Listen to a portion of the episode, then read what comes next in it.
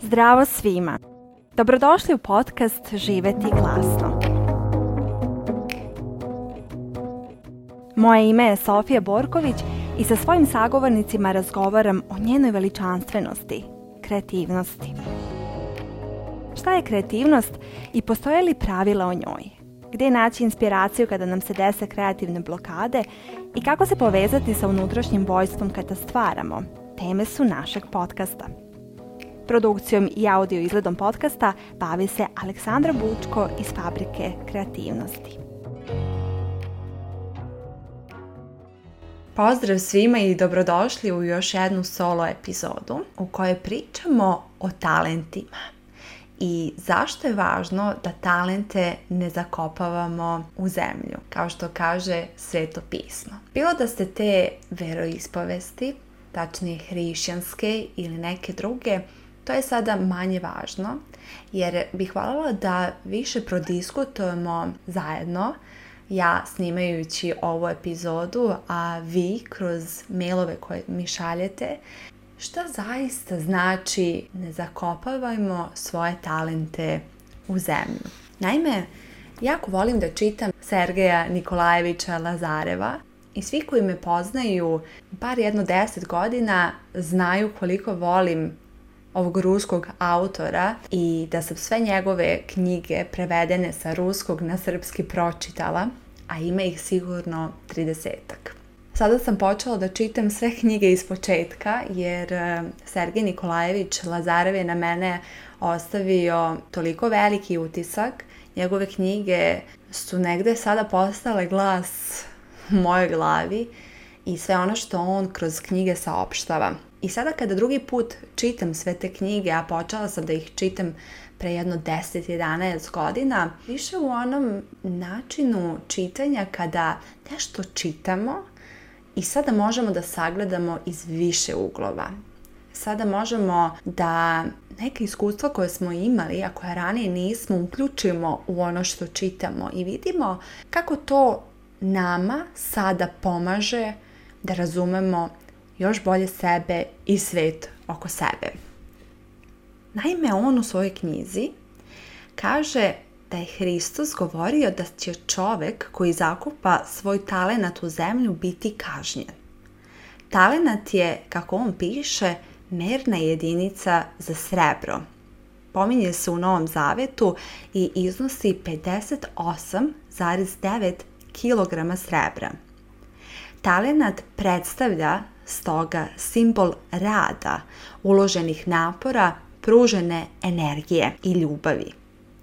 Ljubav se pretvara u energiju i onaj koji se plaši da tu energiju troši, koji ne želi da se brine, žrtvuje, prevazilazi probleme, biva kažnjen pre svega degeneracijom duše.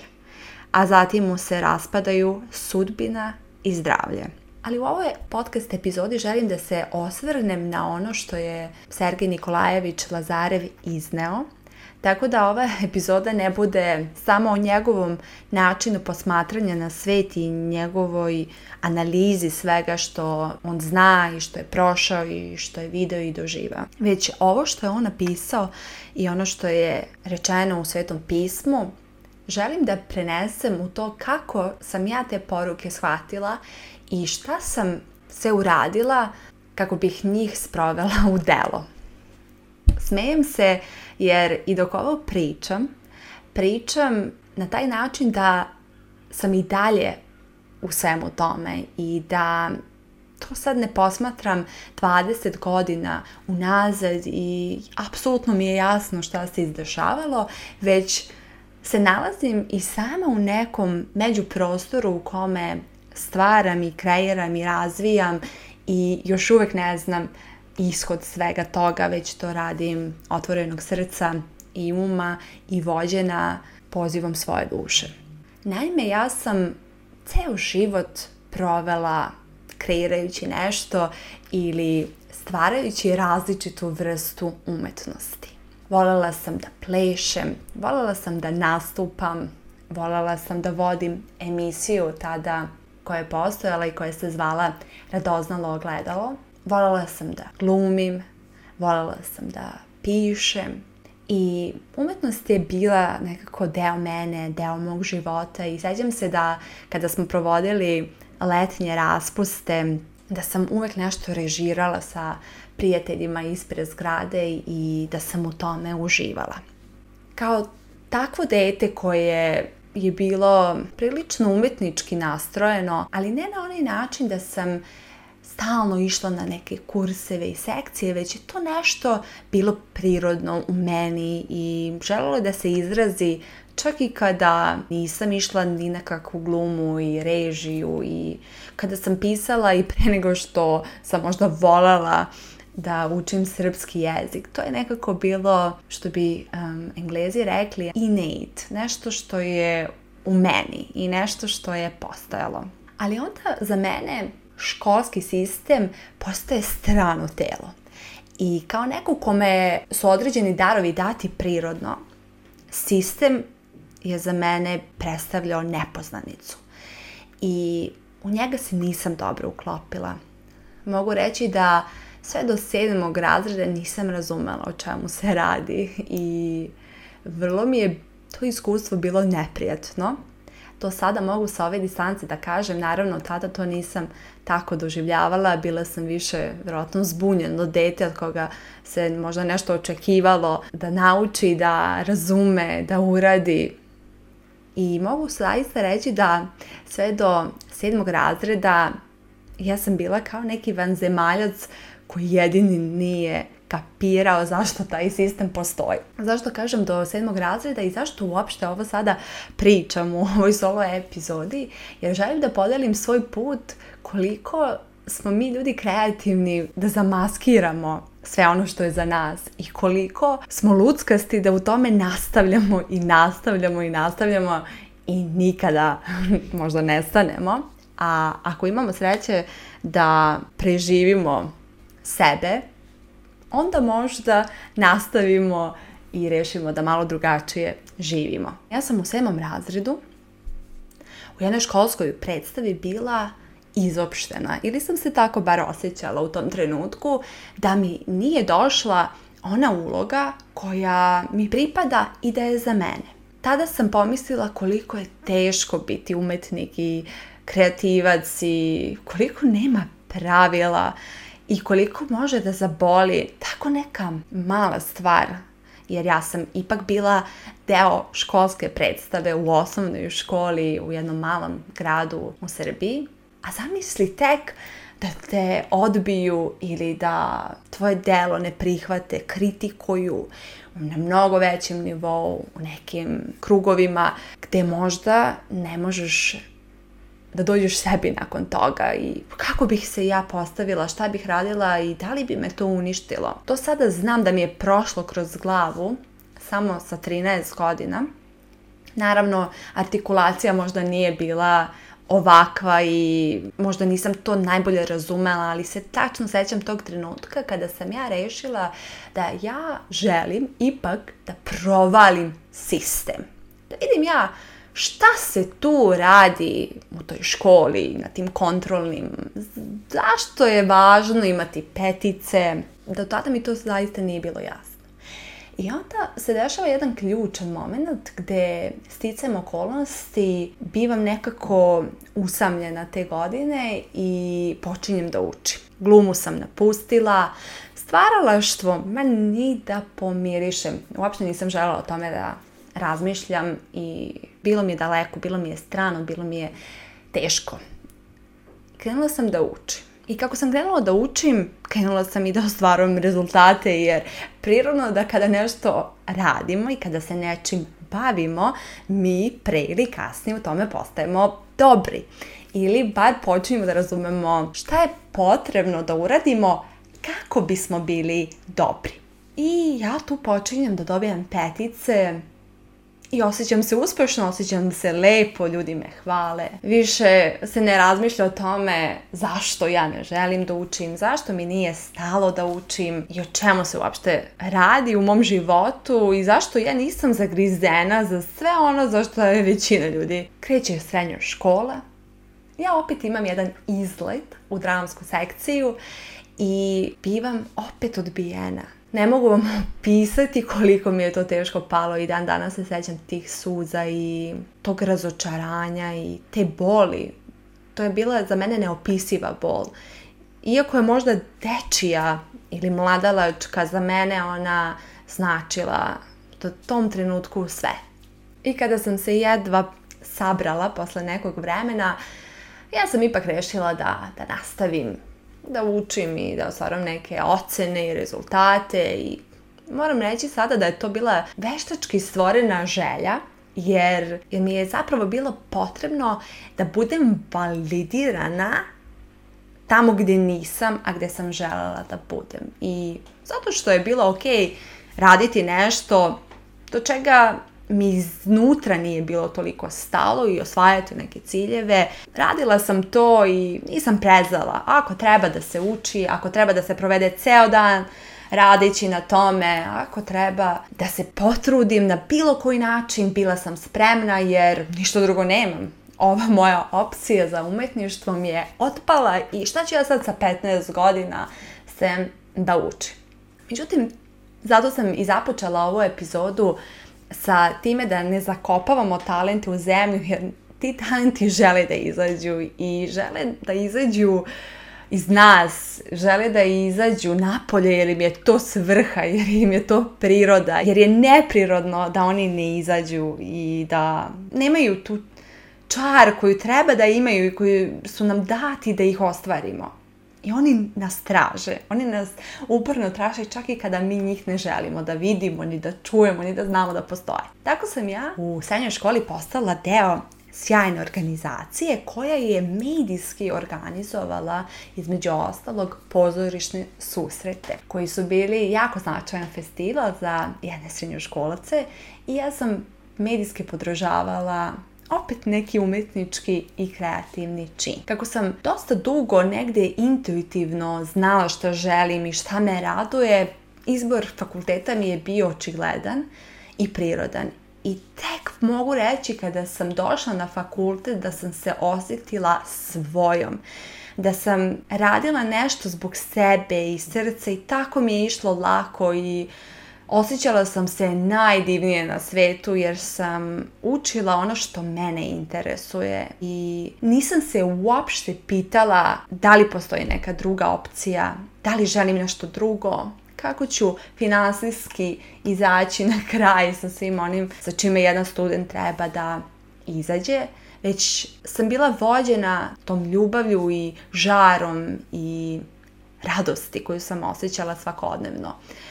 Ako i vi niste bili neko od e, onih đaka kojima je prirodno dolazilo da razumeju, da uče, da rade domaće da ostvaruju rezultate, već ste kao i ja možda bili izgubljeni u svemu tome jer ste zapravo bili nabaždareni na druge stvari. Ali ne postoji druga stvar, ne postoji škola za umetnike i kreativce gde vi sa sedam godina možete to da izučavate i gde pristup vama kao pojedincima biva drugačiji ne zato što smo mi kreativci drugačiji ili posebni, već zato što imamo drugi svijet u nama. Jer e, za nas određeni ciljevi koji su važni društvu nama nisu toliko važni. I sada da upitate nekog mog prijatelja iz srednje škole da li je Sofiji bilo važno da bude Vukovac i da ima sve petice, on ili ona bi vam sigurno rekao ili rekla da to je, to je bilo najvažnije za nju.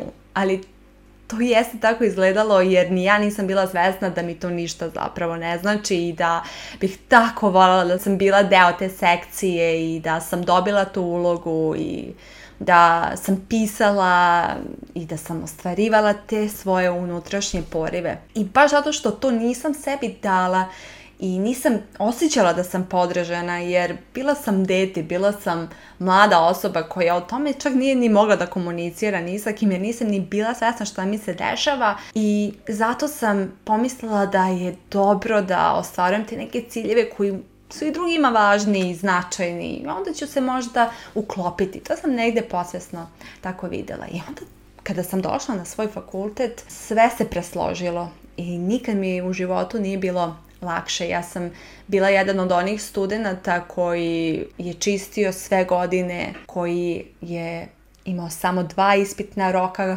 po godini, to su bili januar i jun, koji je leta provodio čitajući, radeći, putujući, sve ono što sam ja zapravo željela da radim čitav život, ali naravno kao maloletno lice vi to ne možete. I zato pričam o svojoj priči jer želim da kroz svoj primjer ponudim svima vama koji možda osjećate i slušate ovo da je nešto pobrkano u vašem sistemu i da očigledno jurite za nečim, a ni sami ne znate zašto jurite za tim i tačno se sećate tog jednog momenta kada ste tačno znali što želite i kada ste to videli i mogli i bili ste ta osoba, ali se nešto isprečilo. Da li se isprečilo zbog okolnosti, da li niste bili podržani, da li ljudi nisu razumeli šta vi pričate, to sad nije toliko ni važno jer ti naši talenti su dati, ali i prepreke su nam date sa razlogom.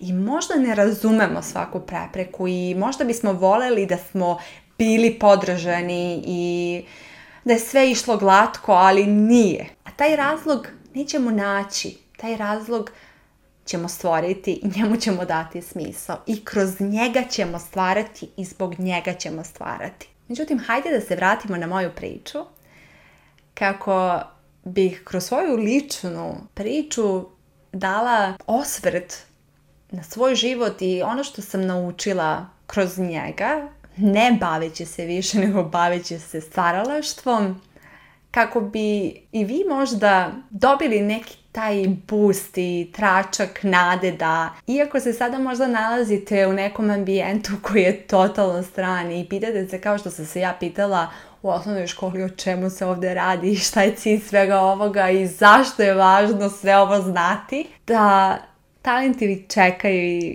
i, da su tu i da će biti tu i da to ne možemo da izgubimo, to je u nama. Tako da ja sam, kao što sam rekla, leta provodila radeći sve se mučeći jer sam sve ispite već dala do juna i jedno leto sam pomislila kako bi bilo divno otići u Ameriku i raditi i doživjeti to iskustvo i vidjeti šta me sve čeka tamo i ko sve mogu da postane tokom tog leta sam toliko transformisala sebe da bih preživela sve ono što sam mislila da jesam, sve ono što sam verovala o sebi, sve ono što sam verovala o Americi, sve ono što sam verovala o novcu.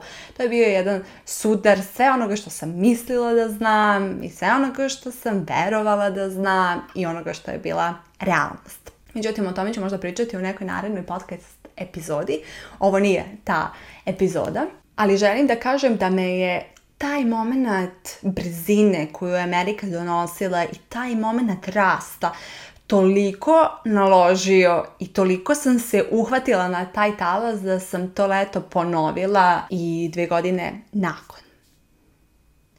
I onda se desilo dan gdje je bilo 40.000 stepeni. Taj dan su sletali i Trump i Hillary Clinton isti dan jer je bila 2016. godina i predsjednički izbori. Ja sam bila na ostrvu Martini Vinogradi gdje ljudi maštaju da dođu u Americi. To je jedno high class, jedno bogataško mesto gdje se nađete s razlogom. Tamo nema slučajnih prolaznika, sem nas koji radimo, mada ni mi nismo slučajni tamo. Leto je 40.000 stepeni. Ja radim u Rentakar agenciji i ima menadžera koji mi nije ni malo inspirativan i sa kojim imam sudar svetova i treba da očistim jedan automobil. Osjećam se kao da tračim svoje talente, kao da tračim svoju životnu energiju, kao da sam opet u tom nekom drugom, trećem, četvrtom razredu osnovne škole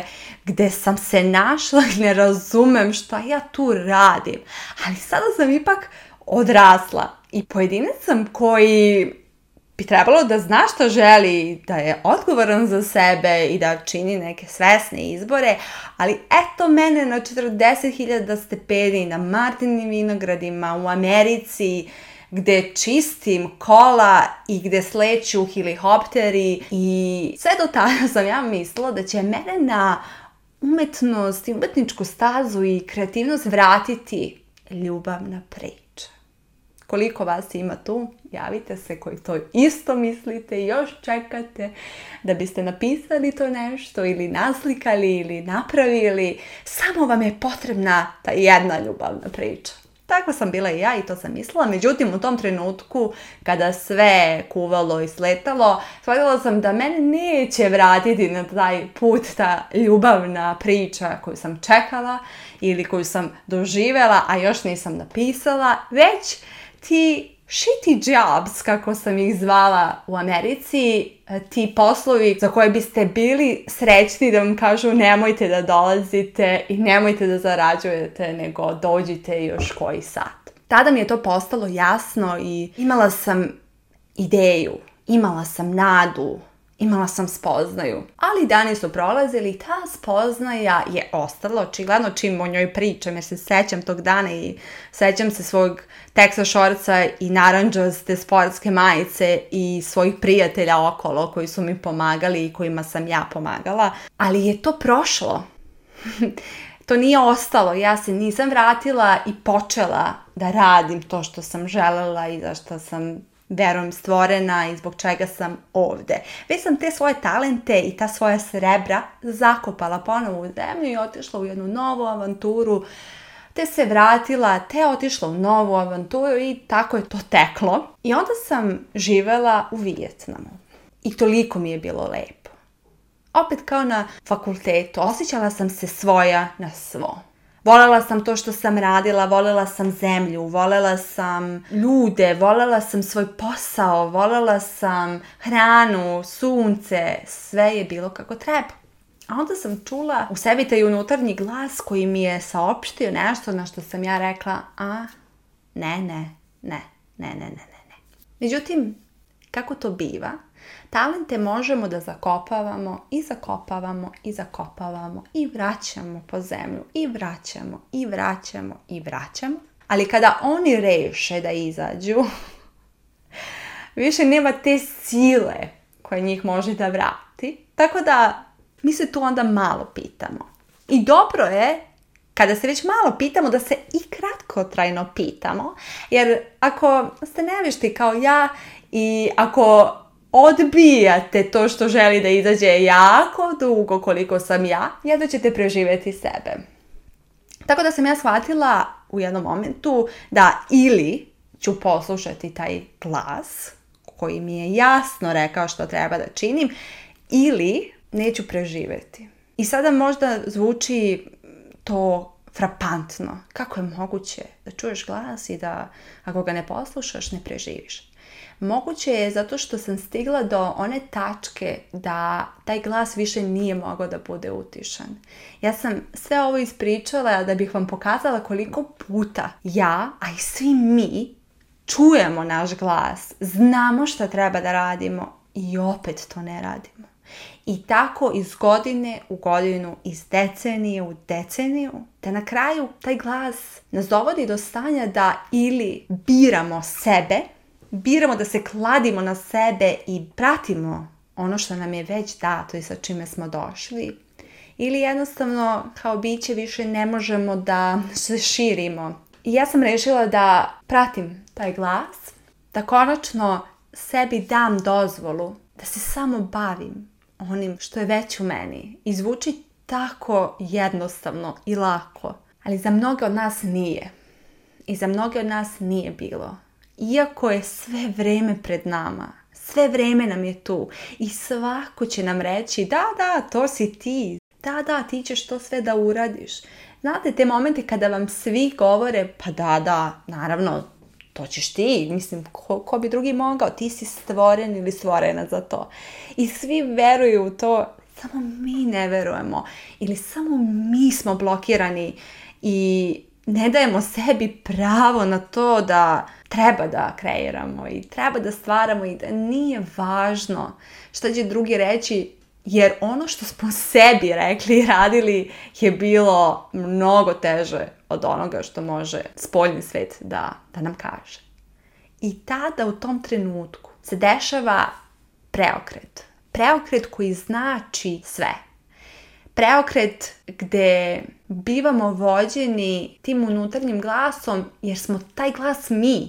Mi bivamo vođeni onim što već znamo da je tu. I ovo nije nikakva specijalna mistika. Ovo nije nešto što samo redki od nas mogu da dotaknu. I znam da ako sad slušaš ovo i to si čuo ili čula od drugih ljudi da se pitaš i da te možda nervira taj izraz, ali to je sve u tebi. Ti to znaš, ti to možeš. Međutim, morat ću da kažem da jeste. I kako se dolazi do toga da jasno čujemo taj unutarnji glas jeste da isprobavamo. Pre neki dan sam pričala sa svojom prijateljicom koja je razumela da je alergična na nešto, ali nije znala na šta. I ona je polako izbacivala stvar po stvari iz svoje ishrane i uvodila stvar po stvar. Da bi saznala na što je alergična i šta njoj izaziva ono što ne želi da ima. Isto tako i mi. Kako bismo čuli unutarnji glas, na nama je da isprobavamo određene namirnice, da isprobavamo određene ulice, određene krajeve, da isprobavamo određene poslove, bavljenja i da uvodimo i izbacujemo ono što jeste i nije za nas. To je taj put, nema prečice. Ima samo e, sistem pokušaja, pogreške i kapiranja. Pokušaja, pogreške i aha momenta. Jer šta nam drugo ostaje? Drugo nam ostaje da živimo život i senke. Živimo život čoveka koji možda zna šta radi, mislim drugima se to čini da zna, kao što bi moji prijatelji iz srednje škole rekli Sofija je to jarko želala jer im se tako činilo, jer sam im ja to tako pokazala, jer sam ja u to verovala zato što nisam dala sebi pravo da verujem u nešto drugo. To je ta staza ili druga staza da probamo. Da probamo na taj način da uvodimo male stvari u svoj život, da korak po korak sve više dođemo do tih zakopanih talenata i da ne čekamo da krene drvlje i kamenje i korenje da raste, već da otvorimo to i da dopustimo da izađe iz nas. I kako znam da to nije jedan korak. Ne deli nas od tog trenutka gdje jesmo do onoga gdje treba da stignemo jedan korak. Deli nas mnoštvo koraka. Međutim, kao što Newton kaže, telo koje se kreće nastavlja da se kreće. To je zakon. Tako da, iz jednog koraka je prirodno da ide drugi, iz drugog treći. I ako nisi u ovom trenutku napravio taj korak od nule do jedan i sada slušaš ovo i osjećaš da, to je to, to izlazi iz mene. Uradi jedan minijaturni korak za sebe, a ti to najbolje znaš šta je. I napravi taj jedan. A iz jednog će doći drugi, a iz drugog treći, iz trećeg četvrti. I na kraju možda i ti budeš imao ili imala ovaj podcast ili mi svi dođemo na tvoju izložbu, kupimo tvoju knjigu, kupimo tvoj dar, ono što si napravio ili napravila, ono što si stvorio ili stvorila i podario ili podarila čitavom svetu i susretnemo se na tom putu. Ja bih to volala, a kako znam da i ti to želiš, sada bar dve osobe navijaju za tebe. Hvala vam svima što ste bili uz mene danas.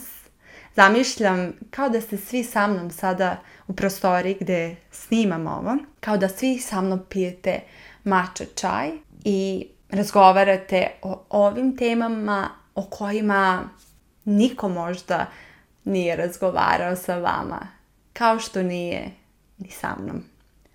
Zato postoji ovaj podcast i zato vam hvala što podržavate naš rad. Zaista hvala i čujemo se u narednoj epizodi. Pozdrav! Hvala što ste poslušali ovu epizodu podcasta Živeti glasno. Nadamo se da ste za nijansu više ohrabreni, ispunjeni ili inspirisani. Do naredne epizode želim vam mnoga lepa i kreativna ostvarenja. Pozdrav!